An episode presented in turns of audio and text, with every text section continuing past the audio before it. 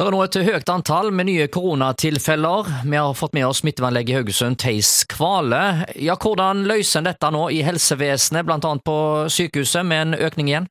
De tar jo sine forholdsregler der òg, og er jo blitt godt vant med, med korona etter to år med, med det. Så, så, det håndterer de forholdsvis greit, tror jeg. Ja, dette med at det er ferieavvikling eh, akkurat når dette skjer, det kan jo by på utfordringer både her og der. Men eh, for de som allerede har eh, ferie og blir syke noen dager, så er det jo selvfølgelig ingen krise sånn sett? Nei da. Eh, klart det kan by på utfordringer av ansatte. da. Eh, kan risikere at en får mangel på viktige ansatte, bl.a. på sykehus og sånn som det. Så, men det regner med at sykehuset har sine planer, hvordan de håndterer det. Så, så det kjenner ikke jeg så mye til. Der. Men vi har de samme utfordringene selvfølgelig på sykehjem og omsorgssentre i kommunene nå. Folk er jo begynt å reise igjen òg. Eh, Hva tenker du om det i forhold til spredning av korona og andre sykdommer som vi nå ser eh, dukke opp? Nei, altså det vil jo medføre økt eh, smitte eh, når vi reiser. Og, det er jo visse land i Europa som har betraktelig mer smitte enn i Norge. og Reiser man til de landene, så er det stor for at man drar med seg smitte tilbake igjen. Men som sagt, vi er jo kommet til et stadium hvor vi skal leve med viruset. da, så så det er jo ikke snakk om noe alvorlig tiltak som nedstenginger og innføring av karantene og isolasjon og sånne ting. Så det, den perioden er vi iallfall for øyeblikket ferdig med. Koronaen er jo bare én ting, men det er andre virus òg som uh, plager befolkningen. Dette her en apeviruset har jo fått mye omtale, annet. Er det noe vi bør bekymre oss for? Nei.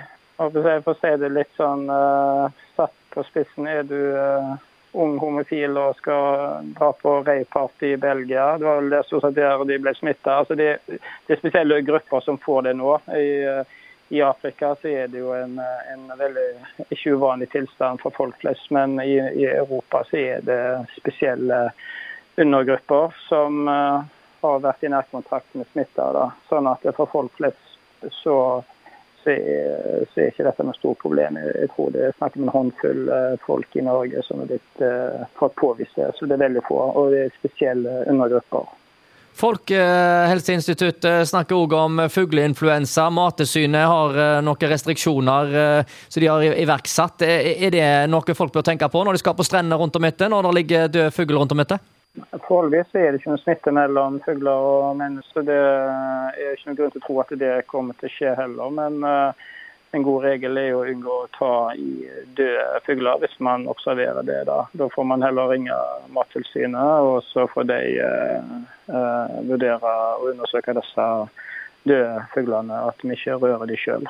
Og mens jeg har deg på tråden, eh, Brennmaneter er jo en uh, utfordring for eh, enkelte, spesielt de, de minste, når en er ute og bader og får den slags skader. Og nå er det voldsomt med brennmaneter, får vi opplyst, som kommer opp langs kysten. hva anbefaling har du som lege i forhold til hvordan en helbreder den slags?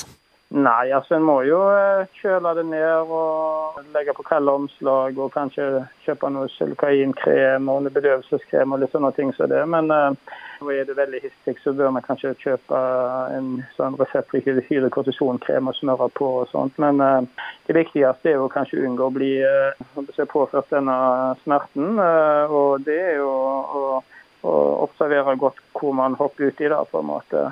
Så, men jeg har sjøl ferie nå og ser i hvert fall med mye hytte at det er veldig stor uh, variasjon fra dag til dag. Disse brennmanetene. Enkelte dager er det jo ingen, andre dager så er det veldig mye. Så, så det, det, er viktig å, å ikke hoppe uti uh, der hvor en ser det brennmaneter, for så slipper man det, de plagene der.